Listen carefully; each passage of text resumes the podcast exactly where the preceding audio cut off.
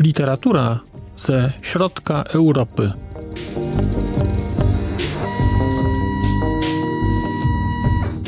Podcast około książkowy.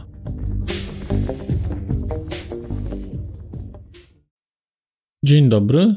Zapraszam Państwa do wysłuchania kolejnego odcinka podcastu Znak Litera Człowiek Literatura ze środka Europy. A w tym odcinku spotkamy się z literaturą rumuńską, czyli będzie to literatura faktycznie ze środka Europy, no z tym, że raczej południowej. Chciałem dzisiaj opowiedzieć Państwu o książce, którą napisał Katlin Dorian Florescu, a książka nosi tytuł Jakob postanawia kochać. Książkę przełożyła na język polski pani Maria Przybyłowska, a jest to przekład z języka niemieckiego. Florescu pisze bowiem po niemiecku, mieszka w Szwajcarii, a kilka słów o tym pisarzu mówiłem przy okazji jego poprzedniej książki, która pojawiła się w moim podcaście, czyli Mężczyzna, który przynosi szczęście. Jakob postanawia kochać. Został w Polsce wydany przez wydawnictwo pogranicze z Seine w roku 2015, a w oryginale książka ukazała się w roku 2011. Z tego co się orientuję, to spośród książek Floresku Jakob postanawia kochać i jest chyba najlepiej oceniany przez czytelników i najbardziej znany. Jest to książka trochę obyczajowa, trochę historyczna. Na przestrzeni nieco ponad 300 stron dostajemy z jednej strony historię życia jednego z rodów chłopskich z Banatu, a z drugiej strony obserwujemy też zmiany, które się w Rumunii dokonują w pierwszej połowie XX wieku. Książka zaczyna się w roku 1926, mi się wydaje. I zaczyna się od trochę opisu życia we wsi w Banacie. Banat to jest kraina geograficzna, która jest na granicy między Rumunią, Serbią a Węgrami, czyli najogólniej rzecz ujmując, byłaby to zachodnia Rumunia. Trzy czwarte Banatu leży po stronie rumuńskiej, kawałek po stronie serbskiej, najmniejszy fragment po stronie węgierskiej. I Banat może się Państwu kojarzyć także z opowieścią o Czechach, dlatego że Palinka, prozy z Banatu, to też była historia z tym, że Czechów, którzy w Banacie akurat mieszkają, tam są te czeskie wioski. Jakob postanawia kochać to jest opowieść o wiosce, ale o wiosce niemieckiej. Niby rzecz dzieje się w Rumunii, ale bohaterami nie są Rumuni. Bohaterami są Niemcy, a konkretnie nawet oni się opisują jako Szwabowie. Bohaterami są Niemcy, którzy pojawili się tam jakiś czas temu, do czego wrócę za chwilę, ale głównym bohaterem jest Jakob. Główna narracja Jakoba to jest narracja, która się toczy w roku 1945 i potem nieco później, do roku chyba 1952.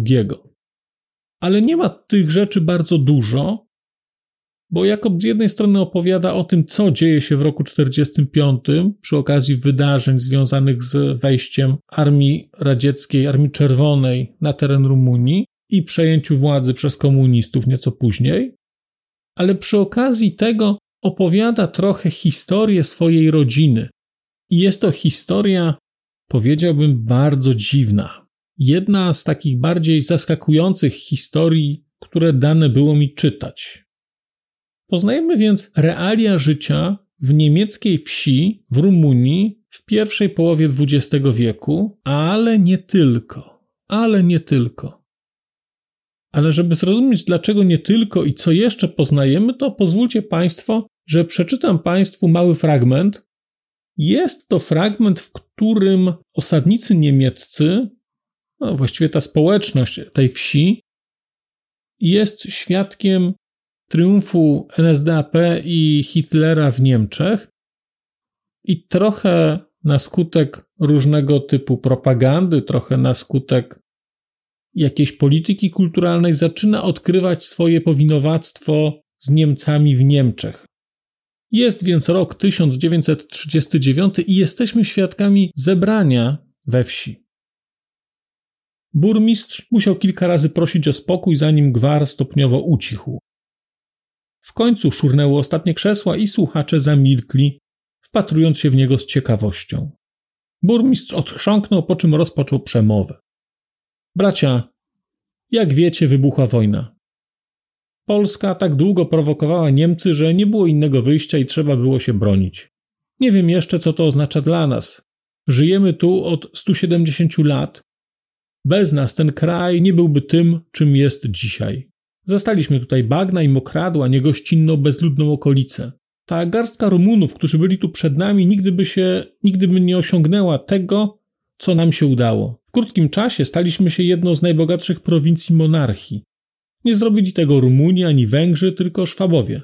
Gdyby wciąż tutaj żyli, to nadal pasłoby się tu kilka chudych owiec i rosłyby tylko kolczaste krzaki. W tej ważnej godzinie musimy trzymać się razem, wspierać naszą ojczyznę i sięgać do naszych korzeni. Proponuję, żebyśmy założyli w Triebswetter niemieckie zgrupowanie narodowe, Narodowo-Socjalistyczny Związek Kobiet, Związek Dziewcząt Niemieckich i Zrzeszenie Młodych. To ostatnie powinno kontynuować i przyspieszyć szkolenie wojskowe młodych mężczyzn pod kierownictwem pana Kirsza, żeby jak najprędzej mogli się wyruszyć na wojnę o naszą sprawę.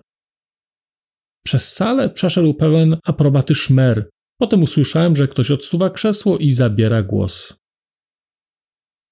Za pozwoleniem, ale kto tu jest w ogóle Szwabem? Mniejszość. Moi przodkowie i przodkowie wielu z nas przybyli z Lotaryngii, kilkoro z Alzacji, z Luksemburga, z Bawarii. Nazywanie nas Szwabami tylko dlatego, że Frederick Obertin i wszyscy inni wsiedli koło Ulm na statki, które ich tutaj przywiozły. Mój ojciec zawsze twierdził, że drewniane belki w naszym domu pochodzą z jednego z tych statków.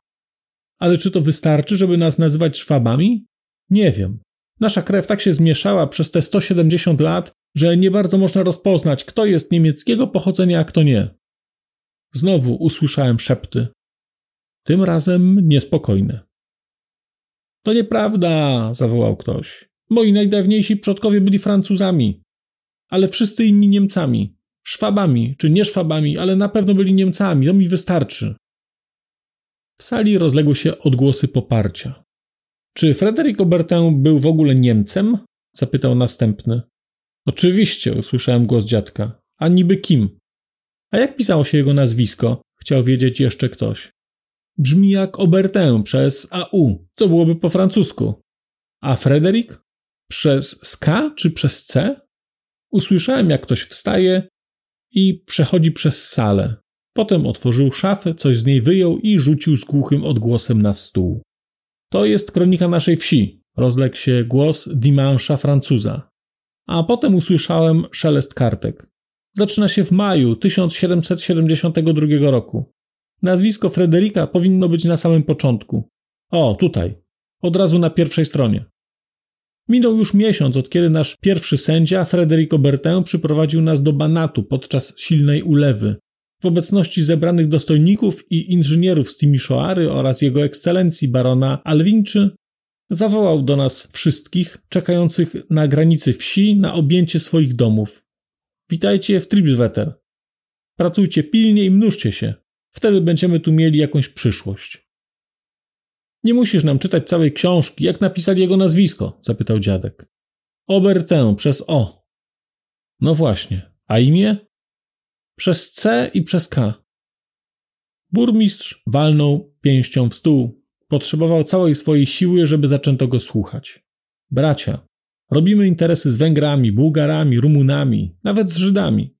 Niedawno jeszcze Cyganie lutowali nasze garnki, a Sarelowi, cygańskiemu chłopakowi, dajemy noże do ostrzenia. Żyje tutaj nawet Serb i niektórzy z nas noszą ubrania uszyte przez jego żonę. Nie zmienia to jednak faktu, że wprawdzie byliśmy kiedyś lotarończykami, Alzatczykami, Francuzami i Niemcami. Ale później staliśmy się Szwabami. Stawiam wniosek, żebyśmy przegłosowali teraz moje propozycje. A w maju zorganizowali poświęcenie sztandarów. No i takie to spotkanie ma miejsce w roku 1939, ale chyba już teraz mogą się Państwo zorientować, jaka mieszanka kulturowa w tym miejscu występuje w tym banacie. Tam są ludzie, którzy trafili pod koniec XVIII wieku do Banatu, i to są ludzie, którzy przybyli z terenu Cesarstwa Niemieckiego. Przybyli tam wtedy także Czesi, których tutaj nie ma wymienionych, ale o których wiemy, bo znamy tę historię z innej książki. Floresku kreśli tutaj obraz funkcjonowania tej wspólnoty w latach 20., 30. i 40. XX wieku. Jesteśmy w stanie zobaczyć, jak ci ludzie żyją, poznać ich sposób myślenia. Odlegle, bardzo odlegle, to jest taka uproszczona wersja naszych chłopów, powiedziałbym, ale to jest bardzo, bardzo odległe skojarzenie. Bardziej chodzi o to, że to jest książka o ludziach wsi, o rolnikach, o zamkniętej społeczności, społeczności, która w coś wierzy, która jest konserwatywna. Ale to nie wszystko, bo poza głównym bohaterem, którym jest tutaj Jakub Obertę, mamy jeszcze bohaterów, którzy, którzy doprowadzili do powstania tej wsi. Dlatego, że co jakiś czas mamy w tej książce przeskoki czasowe i poza główną historią, która dzieje się tu i teraz, w Banacie, w latach 20., 30. i 40., mamy odwołania, mamy całe rozdziały poświęcone temu, co działo się wcześniej. Mamy więc Kaspara, który jest najemnym żołnierzem, najemnikiem, i poznajemy okoliczności tego, jak zamieszkał w Lotaryngii, a te okoliczności to jest wojna trzydziestoletnia, to jest XVII wiek, pierwsza połowa XVII wieku. I ten rozdział na przykład o Kasparze dla mnie był bardzo interesujący, bo pokazywał, jak wyglądał kraj po przejściu wojny trzydziestoletniej, po tym jak ta wojna się tam przetoczyła, właściwie przetaczała przez te lat 30. Jest to obraz, który mi kojarzył się dosyć mocno z obrazem świata dżumy, czarnej śmierci, przedstawionym przez Hesego powieści Narcyz i Złotousty. Tam widzieliśmy koniec świata spowodowany przez zarazę, tu widzimy koniec świata, upodlenie w świecie, który został zrujnowany przez wojnę. My w Polsce tej wojny 30-letniej tak nie doświadczyliśmy. My wtedy doświadczaliśmy czegoś zupełnie innego, z kimś innym. Natomiast dla krajów, które były nią objęte, było to coś strasznego i echa tego dostajemy w tej książce. To bardzo dobrze to jest napisane, bardzo dobrze to jest pokazane, mimo że ta historia jest tam bardzo kameralna, dotyczy właściwie jednej osoby. To jest to świetnie ujęte. Później przenosimy się do XVIII wieku i jesteśmy świadkami wyruszenia osadników z Lotaryngii właśnie do Banatu. Oni jeszcze nie wiedzą, że jadą do Banatu. Do gminy wiejskiej przychodzi rodzaj urzędnika i ten człowiek informuje ich, że można wyjechać, informuje ich o tym, co tam można dostać, jak wygląda życie. No i część z nich decyduje się wyjechać. I tej podróży poświęcony jest kolejny rozdział, gdzie widzimy, jak ci ludzie płyną Dunajem, co znaczyło wtedy podróżować, jak wyglądało życie, jak wyglądało życie osadnika. Ja przyznam, że mając lat 50, nigdy się nie zastanawiałem, jak wyglądało życie osadników w XIX wieku, pod koniec XVIII wieku i na początku XIX wieku w Europie. A myślę, że podobnie wyglądało w średniowieczu. Jest to tutaj bardzo interesująco pokazane i właściwie docieramy do momentu, kiedy rzeczywiście ta wspólnota zaczyna funkcjonować, kiedy ta wieś zostaje założona, kiedy zostają zbudowane pierwsze domy. Byłem tą książką o tyle zaskoczony, że sądziłem, że egzotyka to jest coś odległego. Tymczasem Floresku pokazał mi tą książką, że egzotyką może być historia, która wydarza się w kraju, który jest tuż obok nas. Bo część tej historii dzieje się w Niemczech, natomiast to, co tutaj czytamy, jest tak egzotyczne, to jest tak, jakbym czytał coś z zupełnie innej planety. Być może dlatego, że nie interesowałem się wojną 30-letnią, być może dlatego, że nie interesowałem się procesem osadniczym w wieku XVIII i XIX. Na poziomie poznawczym to jest naprawdę bardzo interesujące i także przez te odniesienia do przeszłości, przez te takie elementy powieści, no powiedziałbym historycznej albo powieści obyczajowej, ale w kontekście historycznym osadzonym bardzo mocno, mamy szansę no, doświadczyć czegoś, ale jednocześnie struktura tej powieści, przeplatanie tych elementów powoduje, że tę książkę się znakomicie czyta. Znakomicie się czyta. Ja miałem jakieś odległe porównanie ze Złotym Latawcem. Właściwie, kiedy tego Jakoba wziąłem, to było mi trudno przestać, bo ta historia jest bardzo wciągająca, jest bardzo dobrze napisana.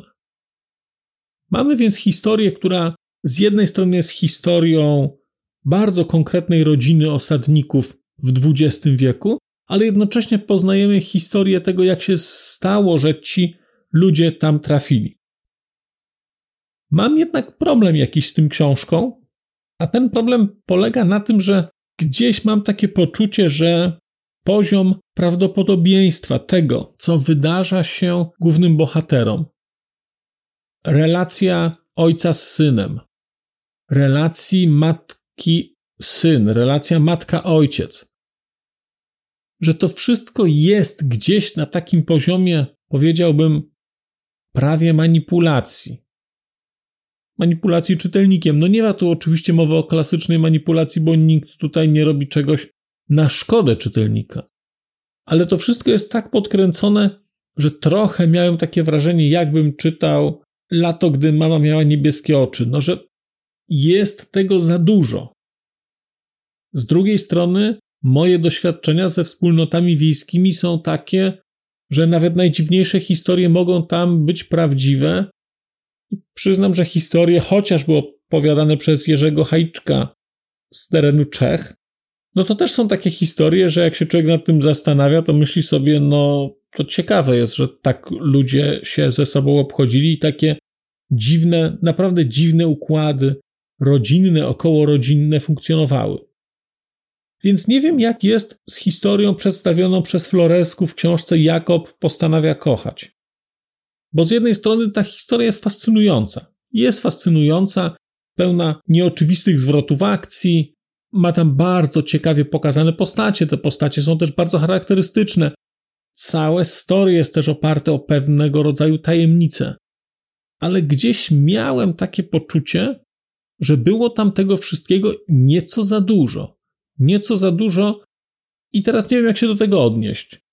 Bo książkę czyta się znakomicie, jest świetnie napisana, jest o rzeczach bardzo egzotycznych ale jednocześnie ten wątek emocjonalny, ten wątek uczuciowy, wątek relacji jest dla mnie jakoś nadmiernie podkręcony, jakoś nie mogłem się w nim odnaleźć. To znaczy, ja się w nim oczywiście odnajdywałem, ale w którymś momencie miałem wrażenie, że no naprawdę coś, co ma szansę wystąpienia 1%, to tutaj ma szansę wystąpienia 100% i jest jednocześnie tego typu absurdalnych praktycznie wydarzeń, absurdalnych decyzji występuje znacznie więcej. I właściwie jest to mój jedyny zarzut do książki, bo, bo ta książka mi się bardzo podobała.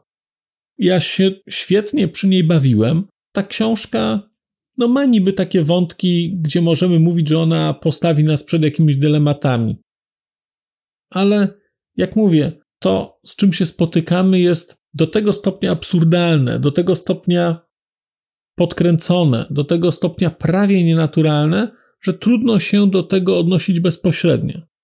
Jednocześnie nie mam pewności, że ta książka nie jest oparta o jakieś elementy prawdy, że część z tych zdarzeń nie miała miejsca.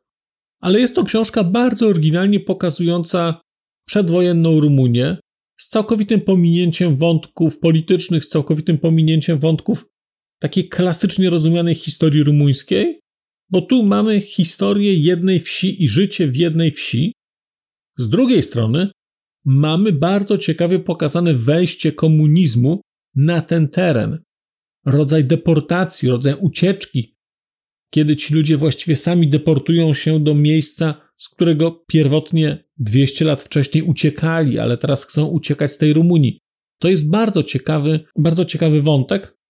No i w, oczywiście wokół tego jest wątek relacji w rodzinie Oberteumów. To jest wszystko takie bardzo głęboko angażujące. Ja miałem wrażenie, że dla mnie było za głęboko, to też się wycofałem, bo uznałem, że to już jest lekko nieprawdopodobne. Ale książkę czyta się w sposób fascynujący i jak wspomniałem, miałem poczucie naprawdę czegoś egzotycznego i odkrywania świata, który jest obok mnie, a nie miałem o nim naprawdę zielonego pojęcia. I dlatego się bardzo cieszę, że tę książkę sobie mogłem przeczytać bo nauczyła mnie czegoś o historii, pokazała mi też jakiś element Rumunii, o którym wiedziałem, że jest, wiedziałem zawsze, że ta mniejszość tam funkcjonuje, ale nie znałem takiego szczegółowego kontekstu, teraz go znam. Czy polecam Państwu tę książkę? Wydaje mi się, że tak, ale mówię, mam tę jedną wątpliwość, czy to jest prawdopodobne, chociaż z drugiej strony czy po tym ocenia się literaturę, że pokazuje rzeczy, które są prawdopodobne? No nie wiem. No nie wiem. Bardzo Państwu dziękuję za dzisiejsze spotkanie. Zapraszam do komentowania, zapraszam do dzielenia się przemyśleniami na bazie książki Jakob postanawia kochać, ale też o dowolnej innej książki, która się w podcaście u mnie pojawiła lub nawet takiej, która się nie pojawiła, ale którą Państwo na przykład sobie aktualnie czytacie. Ja powrócę do Państwa zapewne wkrótce. Bardzo dziękuję za dzisiejsze spotkanie. Wszystkiego dobrego. Do usłyszenia. A już zupełnie na koniec powiem, że skoro wysłuchaliście Państwo tego odcinka, to w jego opisie znajdziecie link do serwisu YouTube. W wersji YouTube'owej e, jest miejsce na skomentowanie go. To jest takie miejsce, gdzie można komentować ten odcinek, rozmawiać, zadawać pytania, wymieniać się spostrzeżeniami, do czego Państwa bardzo zachęcam, gdyż udało się już na tym YouTubie zgromadzić trochę bardzo ciekawych osób, bardzo ciekawych komentarzy i trochę stworzyć taką społeczność ludzi rozmawiających o książkach. Też na koniec, zupełnie na koniec, e, poproszę Państwa o wystawienie oceny mi w ramach e, tych platform podcastowych, na których Państwo tego odcinka wysłuchaliście. I nieważne jaka ta ocena będzie, istotne dla mnie po prostu, że będzie. Tymczasem się żegnam już naprawdę i do usłyszenia za czas jakiś.